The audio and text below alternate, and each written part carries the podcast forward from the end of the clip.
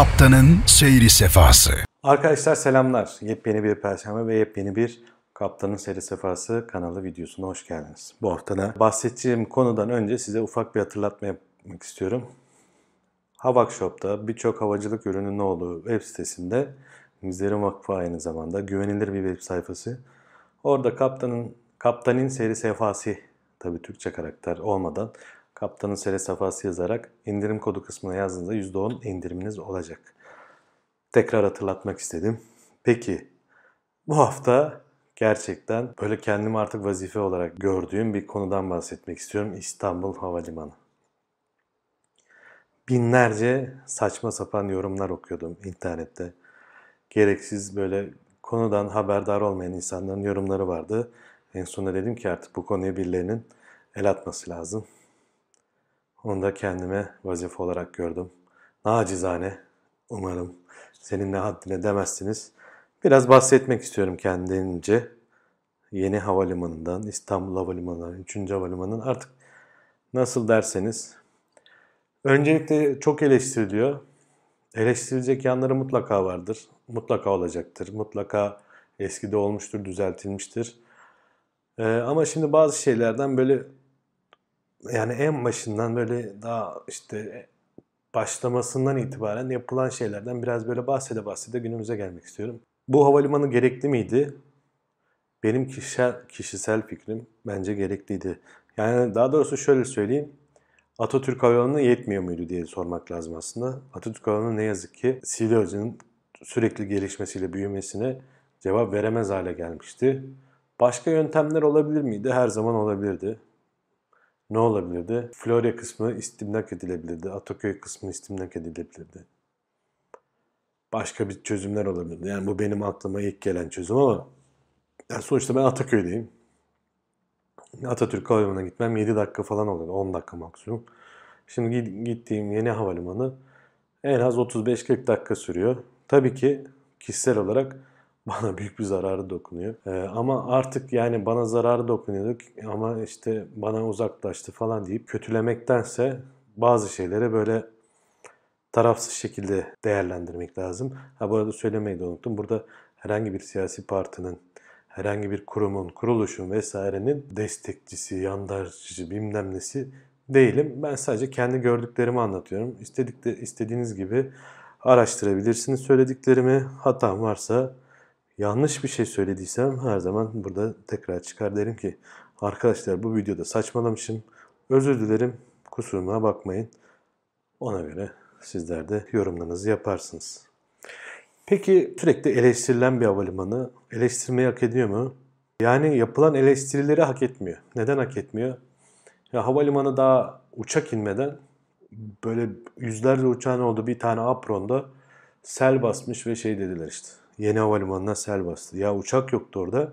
Sen kalkmışsın orada bir sürü uçağın oldu apronda buraya sel bastı falan diye yorumlar yaptı. Sonra terminalin içinde bir iki tane video gönderdiler. 3-4 tane ayrı video vardı. Bunlardan bir tanesi doğruydu. Su akmış çatıdan. Evet onları da gördük ama yani onun dışındaki altta böyle Arapça bilmem ne airport yazıyor. Siz bunu yine havaalanı olarak gösteriyorsunuz. Ee, yani söylemek istediğim evet eleştirinin eleştiri olmadan tabii ki hiçbir şekilde doğruyu bulamayız. Ama yani eleştirilerde biraz mantık, zeka falan olması lazım. Böyle her gördüğünüzün altında bunu yedirir miyiz millete deyip ortaya saldığınızda bu sefer kendi güvenilirliğiniz de azalıyor. Bunlar bana çok saçma geliyor. Genelde yani ortaya çıkan eleştirilerin birçoğu aslında saçmaydı. Havalanına geçildi. Bu arada geçilmeden önce sosyal medyada falan e, yansımayan işte Amerika bu havalimanına uçulmasına izin verin, vermedi, işte Türk ondan geçemiyor falan gibi böyle bir sürü dedikodu dolaştı. Hatta artık herkes Aa, acaba ondan mı falan demeye başlamıştı ki yeni havalanına geçtik ve ilk günden itibaren Amerika'ya her seferimiz devam ediyor. Ondan sonra işte operasyonlar başladı. İlk operasyonlar başlamaz, başlar başlamaz hemen millet başladı. İşte taksi çok uzun, taksi çok uzun, taksi. Ya taksiyi, taksiyi yapan benim. Ben bu kadar mesela dert etmiyorum taksinin uzun olmasını. Ya taksi e, biz alışmışız Atatürk'te böyle pistin dibinde park yerleri olmasına ama pistin dibinde park yeri olması aslında avantaj mı dezavantaj mı? Evet. Eğer trafik yoksa büyük avantaj. Onda hem fikrim ama Atatürk'te bazen öyle bir trafik kilitleniyordu ki inanamazsınız. İnen trafikte kalkan trafik birbirini kilitliyordu. Böyle yarım saat, 40 dakika, bazen 10 dakika. E, diğer trafiği bekliyordunuz. Yani sizi hiç etkile mesela siz gideceksiniz. O uçağa geçtikten yani böyle işte kavşak düşünün. Uçak buradan geliyor. Siz de buradan geliyorsunuz. Burada kalıyorsunuz. Buradaki uçak hareket edemediği için ya sizin önünüzde herhangi bir uçak olmamasına rağmen daha doğrusu o uçağa geçtikten sonra herhangi bir uçakla bir bağlantınız olmamasına rağmen 10 dakika uçağın hareket etmesini bekliyordunuz. Duruyordunuz. O uçağı bir daha hareket ettirmeye çalışıyordunuz ki duran uçağı tekrar harekete geçirmek gerçekten yakıt harcatıyor. Falan bu tür şeyler vardı Atatürk'te işte trafikler birbirini etkiliyordu. Güneyli operasyon yapıldığında, Güneyli operasyondan kastım ne? E, inişlerin Ataköy, Boğaz üzerinden, Boğaz üzerinden gelip Ataköy üzerinden inen kalkışların da Halkalı tarafına değil yani kara tarafına değil Yeşilköy üzerinden denize doğru yapılan kalkışlarda çok ciddi trafikler oluyordu. Bir saat kalkışta beklediğiniz oluyordu. Bir saat kalkışta beklemeniz demek dönüş uçağının gecikmesi demek. Dönüş uçağınızın gecikmesi demek o uçaktaki transit yolcuların gideceği uçağın gecikmesi demek gibi böyle birbirini tetikleyen bir sürü olaylar oluyordu. Şimdi bunlar oluyor mu? Şu anda olmuyor. Neden olmuyor? Dört tane pist var. Hepsi aynı yönlü. Bu peki hepsinin aynı yönlü olması doğru mu değil mi? Onlara da bak geleceğim. Anlatacağım. Dört tane pist var. İkisine iniş, ikisine kalkış yapılıyor. Şu anda dört tane pist olması demek kapasitenin bir anda %100 artmış olması demek. Çünkü biz Atatürk Havalimanı'nda bir tane piste inip iniyorduk. Başka bir pistten kalkıyorduk. Böyle olduğu için de işte ikiye, ikisi de ikiye çıktığı anda işte dört pist aynı anda kullanıldığında paralel kalkış ve paralel iniş yaparak ki bu paralel kalk iniş kısmı önemli. Sonra başka bir yerde değineceğim. Paralel iniş yaparak havalimanının Atatürk'e göre kapasitesinin %100 artmış olduğunu gördüm. Taksi evet uzun. Ama birçok havalimanında uzun arkadaşlar. Yani New York'ta uzun, Madrid'de uzun. Madrid'de pist, park yerine pist başına gitmek genelde 45 dakika sürüyor. Fransa'da uzun, Paris'te, Londra'da, yani birçok yerde, Osaka'da falan da eskiden gidiyorduk. Şimdi tekrar açılıyor hat. Oralarda falan yine taksi süreleri uzun. Yani onlar çok yani oralara gittiğiniz işte kocaman havalimanı yapmışlar arkadaş çok güzel falan diyorlar. Sonra işte buraya geliyorlar işte bazen işte anons yapıyoruz diyoruz ki park yeri dolu ya da işte trafik yoğunluğundan park yerinize gidemiyoruz. E bunlar yolcularda da memnuniyetsiz yaratıyordu. E şimdi şu anda ne oldu? İnen trafikle belki Atatürk'ten edinilen tecrübeyle belki de sadece rast geldi. İnen trafikle kalkan trafik çok az noktada birbirini kesiyor. Yani onlar da böyle park yerinden çıkış girişlerde onlar da tüm trafiği etkilemeyeceği için çok büyük sorunlar yaratmıyor. Birbirini kesmediği için uçaklar ne yapıyor? Belli bir hareketi aldıktan sonra hiç durmadan pist başına kadar gidiyor ya da pistten indikten sonra park yerine kadar gidiyor. En ideali bu çünkü uçak durmuyor. Durma, durduktan sonra kalkmak için herhangi bir güç harcamadığı için e, bu yakıt anlamında bence büyük avantaj. Öbür türlü sürekli dur kalk yapıyordunuz. O bence çok daha fazla yakıt harcatıyordu uçakları. Sonra rüzgar muhabbeti çıktı. Rüzgar muhabbeti çok rüzgarlıymış dediler. Şimdi bana arkadaşlarım tabii ki işte sektörün içinde olduğum için ya diyorlar ki havalimanı çok rüzgarlıymış. Ne kadarmış rüzgarlı bilmiyorum ama çok rüzgarlıymış diyor. E şimdi yani böyle evet çok rüzgarlı yani Atatürk'e göre rüzgarlı ama yani şimdi şöyle bir şey var. Bizde rüzgar daha doğrusu havacılıkta hız, sürat vesaire hepsi e, nat cinsinden. Bir nat 1.852 kilometre. Yani atıyorum mesela Atatürk'te 10 natken orada 11 nat olması oranın daha rüzgarlı olduğunu e, karşılaştığında daha rüzgarlı olduğunu bir nat bile olsa. Ama bunun bir verisel değeri yok. Yani Twitter'da geçenlerde bir tweet serisine, tweet flood'una denk geldim. Bir tane meteoroloji uzmanı e, olduğunu tahmin ettiğim birisi e, yeni havalimanından bahsetmiş. Yeni havalimanında normalde diyor havalimanlarında 5 yıllık rüzgar analizi yapılır. Bu havalimanında yapılmadı ama 6 aydır yapılıyor falan gibilerinden. İşte 6 ay yapılmış falan diyor bahsettiği şeye göre 13 e, knot yan rüzgar esaslı analizler yapılıyormuş. Uçağa 3 tane farklı yönden rüzgar esiyor aslında. Yani daha doğrusu herhangi bir nesneye. Karşıdan esebiliyor, yandan esebiliyor ve arkadan esebiliyor.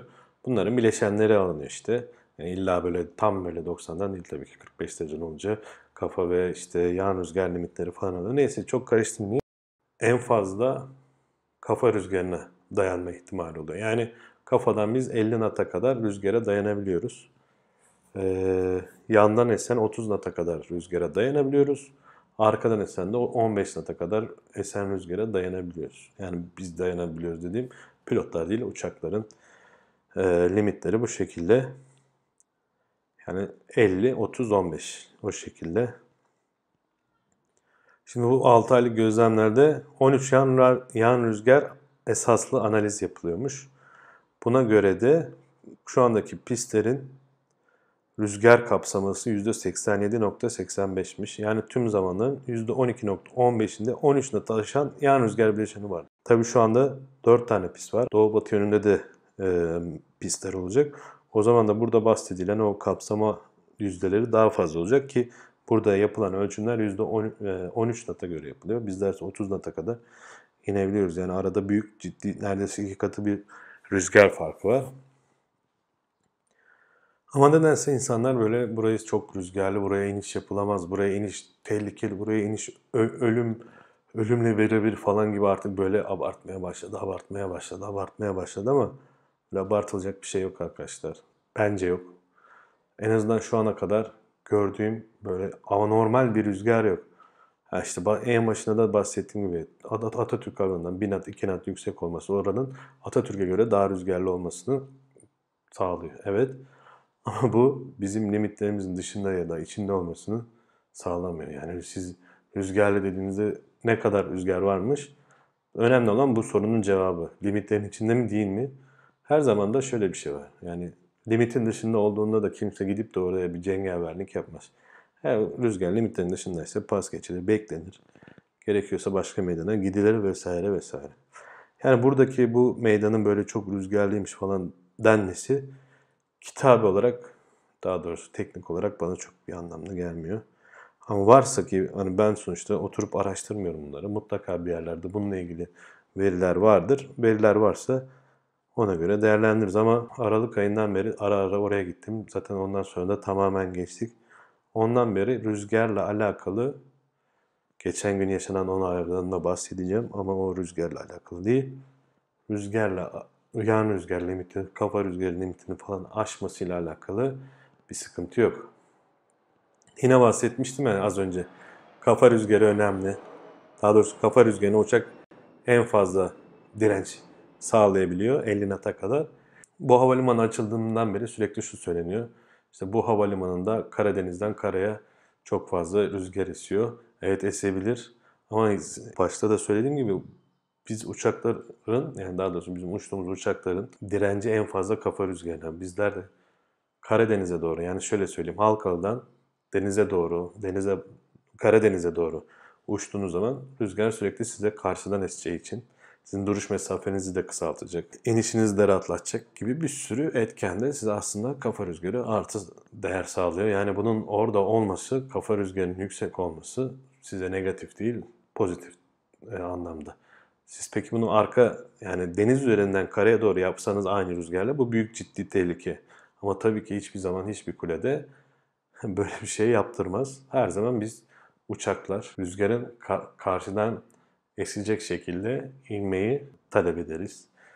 Kuledeki arkadaşlarımız, hava trafik kontrolleri de operasyonu buna göre yönlendirir. O nedenle böyle rüzgarla alakalı, ha işte 50 natın üstünde rüzgar eser mi? Şu ana kadar esmedi. İleride eser mi?